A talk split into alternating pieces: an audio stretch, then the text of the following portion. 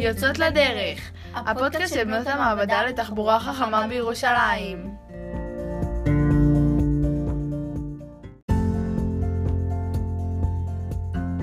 איך מתכננים את התנועה והתחבורה בירושלים? למה האוטובוסים לא מגיעים בזמן?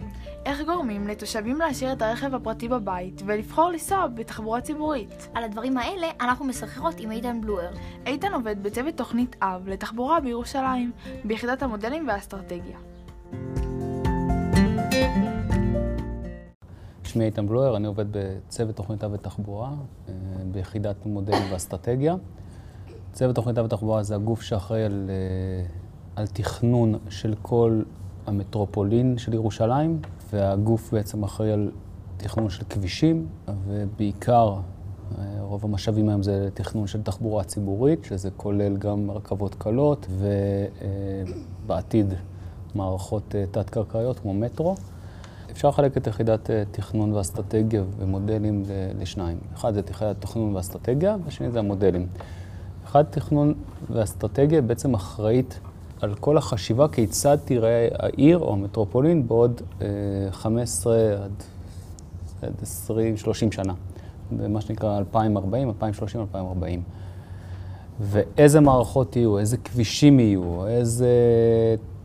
אם יהיה מטרו, ואיפה הוא יעבור, ואם יהיה רכבות קלות, ואיפה הם יהיו. אבל מודלים, מה זה מודלים? יחידת המודלים בעצם אחראית על כל הניתוח של כמה נוסעים ייסעו בעתיד במערכות האלה, כמה, נוס... כמה רכבים יהיו על הכבישים בעוד 25 שנה. אם אני מוסיף מטרו, איך זה משפיע על העיר, איך זה משפיע על צמצום הרכב הפרטי. כל ראייה עתידית, עכשיו המודל, כמו שנקרא, שם גדול לאיזושהי מערכת של נוסחאות סטטיסטיות ומתמטיות, שנותנות יחד תוצאה שאנחנו יכולים לנתח אותה ולתת מספרים של נוסעים או מספרים של רכבים. המודל הזה, זה, זה, הוא מנתח התנהגות אנושית, או התנהגות של נוסעים. אם יצאתי או לא יצאתי מהבית, אם לקחתי אוטובוס או לא לקחתי אוטובוס.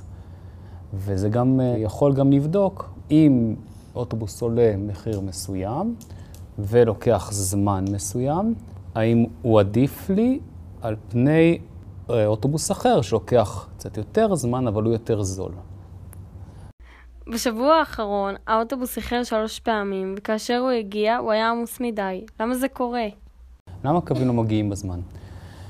יכול להיות הרבה מאוד דברים בעיר שלנו. בעיר שלנו יש חפצים חשודים שעוצרים, שגורמים לעיכוב בתנועה וגורמים לאוטובוסים להיתקע.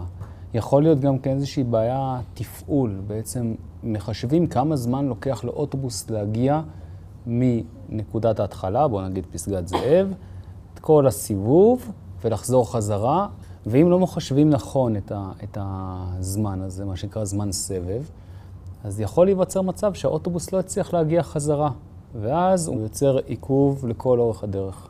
יכול להיות עוד מצב שאוטובוס כן יצא בסדר גמור, אבל אז הוא נתקע באיזשהו פקק, ואז הצטבר נוסעים בתחנה, ואוטובוס שהגיע, הגיע לתחנה עמוסה מאוד, ואז הוא צריך הרבה מאוד זמן להעמיס את הנוסעים, ואז כבר אוטובוס שמגיע אחריו, ובעצם זה גורר עיכובים על עיכובים. ואחת הבעיות שיש פה, מספר הנהגים זה משאב מוגבל. אין לנו כמה שאנחנו רוצים. עניין של תוואי, לדוגמה, ארוך, הבנתי שחלק מכם פה מקטמונים וחלק פה מפסגת זאב. אז אתן דוגמה, דוגמה על קווים ארוכים, מפסגת זאב יש לכם 65 ו-66 לדוגמה, שמגיע לגבעת רם. זה יכול להיות קו בסך הכל די ארוך, שהוא עובר בהרבה מאוד, מאוד נקודות שיכול להיעצר בו. ועוד משהו משפיע על העומס שיש באוטובוס. קוראים לזה תדירות. תדירות זה אה, כמה אוטובוסים יוצאים בשעה מסוימת. ואם אני אסתכל על איך שאתם רואים את זה, זה כמה זמן עובר בין זה שאוטובוס אחד הגיע לאוטובוס שני. כלומר, כשאתם מסתכלות על השעות זמן אמת של האוטובוס, ורשום לכם 5 דקות, ואז 15 דקות לאוטובוס הבא, ועוד 25 דקות לאוטובוס שאחריו. אז מבחינתכם זה בעצם כל 10 דקות מגיע אוטובוס. וכשאני מסתכל על תדירות, זה 6 אוטובוסים בשעה. עכשיו, איך זה נוצר? איך קובעים ששש אוטובוסים בשעה? זה, זה בגלל כמות הנוסעים. אנחנו אומרים, זה הביקוש. האוטובוס הוא מאוד מבוקש, אני אוסיף עוד אוטובוס.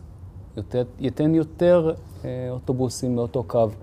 אם זה אוטובוס לא מבוקש, אין כמעט אוטובוסים. אז את התדירות קובעים לפי הביקוש, אבל מסתבר שזה יכול לעבוד גם הפוך, וכאן זה מתחיל להיות מעניין. אם אני מעלה את התדירות של האוטובוסים, אני יכולה בסופו של דבר להתחיל להוריד רכבים פרטיים מהכביש. בואו נבין איך זה עובד. איך אני גורם לאותם אנשים לוותר על הרכב? אני צריך לתת להם שירות טוב יותר. אז הגישה של צעד קדימה אומרת, למרות שאני יודע שהיישוב הזה לא ייסע עכשיו בהתחלה באוטובוסים, אני אתן שירות טוב, כדי שמי שיבוא ויעבור ליישוב ידע, יש לי שירות טוב של אוטובוסים, אני אעלה עליו ואסע. אני לא צריך את הרכב הפרטי. אנחנו רואות שרמת השירות של האוטובוסים לא טובה, אז למה שאנשים יבחרו באוטובוס על פני רכב פרטי? החשיבה העתידית למערך התחבורה הציבורית זה יותר רכבות קלות. יותר רכבות קלות, זה יותר תדירות, זה יותר מקום. רכבות קלות יכולות להכיל 500 אנשים, ואוטובוסים יכולים מקסימום, עם הדוחסת, 100. אם אני בא ונותן שירות טוב יותר, אמינות טובה יותר, הרבה יותר תדירות, רכבות קלות נחשבות אה, נסיעת פרימיום, משהו יותר נעים מאשר אוטובוסים. אז ברגע שאני מספק יותר, ולא צריך לחכות הרבה זמן בתחנות וכולי, אתה, אתה יכול לתת יותר אה, שירות. את, את צודקת, תמיד ההשוואה לרכב הפרטי, תמיד הרכב הפרטי ינצח כרגע. למה כרגע?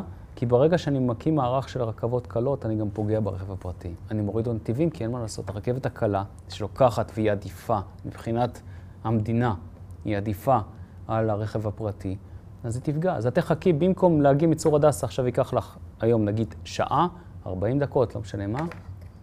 אז באתי תיקח לך שעתיים, אבל אם היית לוקחת את התחבורה הציבורית, היה לוקח לך שעה.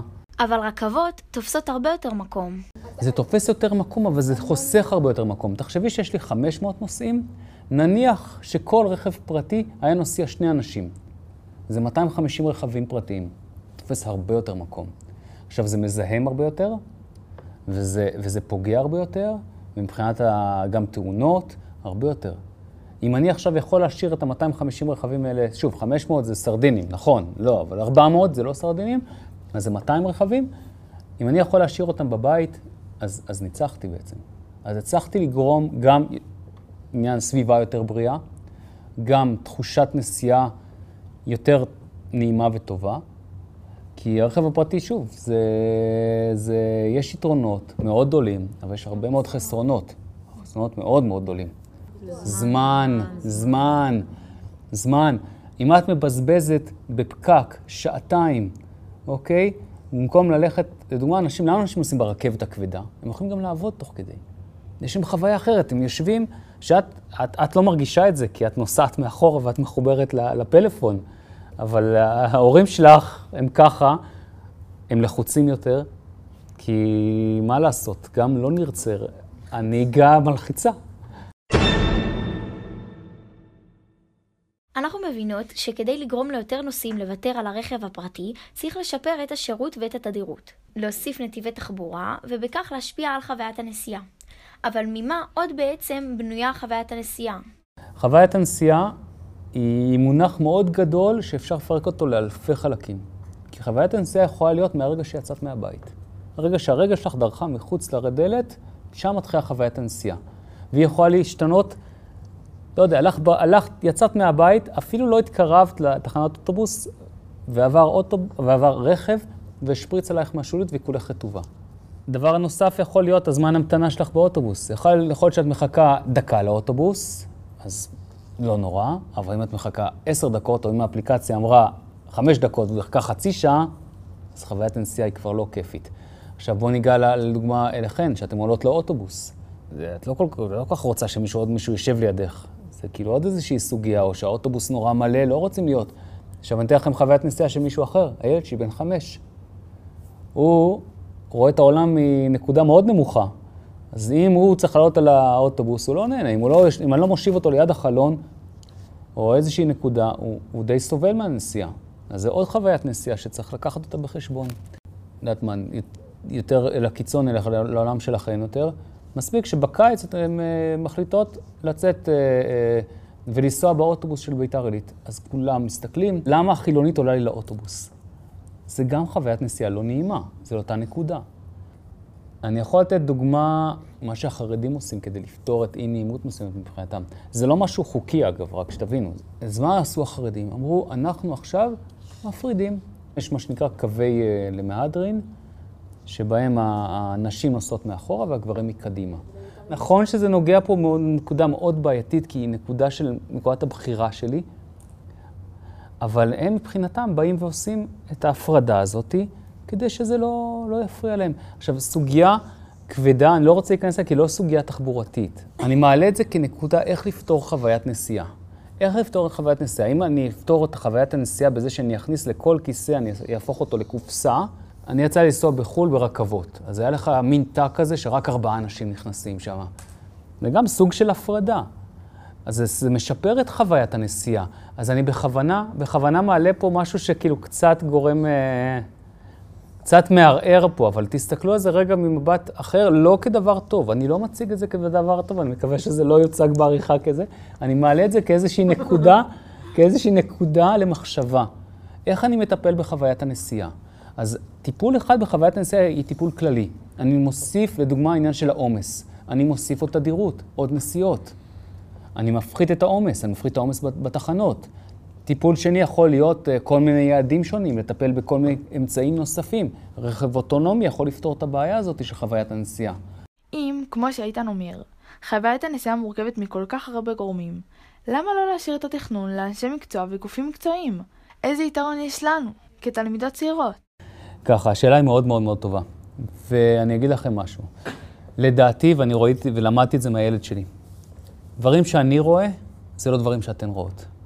אז אני יכול להגיד הרבה מאוד רעיונות, ויש לי הרבה מאוד רעיונות על איך לשפר, אבל נקודת מבט שלכן היא קריטית. כשאת באה לשפר משהו, את צריכה להסתכל על זה גם לשפר לעצמי, אבל יש כמוך, יש לדעתי נערות, כמה? עוד מיליון נערות בארץ, משהו כזה, פחות או יותר בטווח הגילאים שלכם? וואו, זה לשפר להמון. ולכן, כשאני בא ואני מסתכל על מה את יכולה לשפר, אני יכול לשבת איתכם והרבה מאוד שעות לבזבז ולתת לכם הרבה מאוד רעיונות. אבל כולן יכול להיות שהן ברמה של המבוגר או ברמה הכללית של כל הנושאים, שזה נקודת מבט שלי. ההסתכלות שלכם שונה לגמרי משלי, ויכולה לפתור בעיות הרבה יותר חשובות לכם. כשאנחנו נעות בעיר ממקום למקום, ברגל, באוטובוס, ברכבת הקלה, ישנם הרבה דברים שכדאי לשים אליהם לב. עכשיו הזמן לצאת ולבחון איך משפרים את חוויית התנועה בעיר ומציעים פתרונות שמתאימים לנו וגם לתושבים אחרים. האזנתם ל-יוצאות לדרך, הפודקאסט של בנות המעבדה לתחבורה חכמה בירושלים.